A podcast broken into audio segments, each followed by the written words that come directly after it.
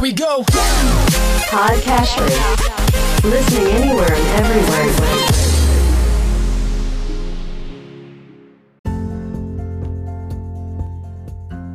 Welcome to Weekly Investment Podcast bersama saya Ferdian Syahputra dari Ispring Investment Indonesia untuk Prudential Indonesia.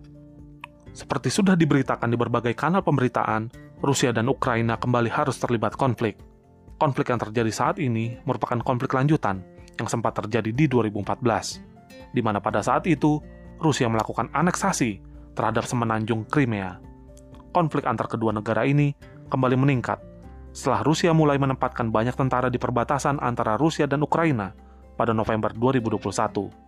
Aksi ini kemudian dibalas oleh NATO dengan mengerahkan perangkat-perangkat perang seperti kapal tempur dan jet perang ke beberapa area di Eropa Timur.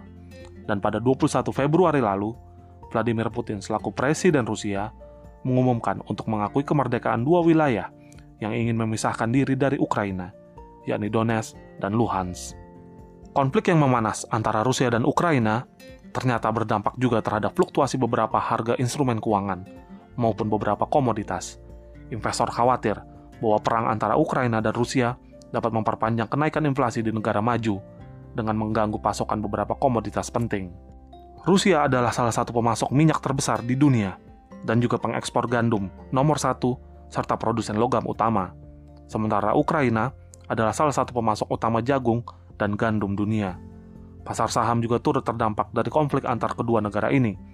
Pasar saham di berbagai negara maju maupun negara berkembang mulai berfluktuasi sejak minggu kedua bulan Februari.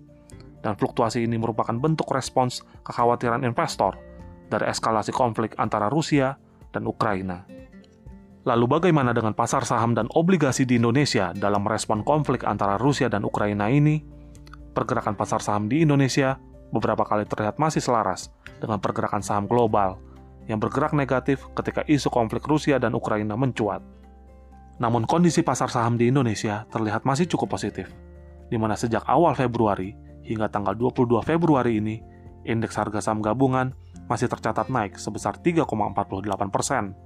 Sementara di pasar obligasi terlihat cukup tenang, tanpa ada fluktuasi yang cukup tinggi dalam beberapa waktu terakhir. Demikian Weekly Investment Podcast mengenai memanasnya konflik antara Rusia dan Ukraina. Semoga bermanfaat dan salam investasi.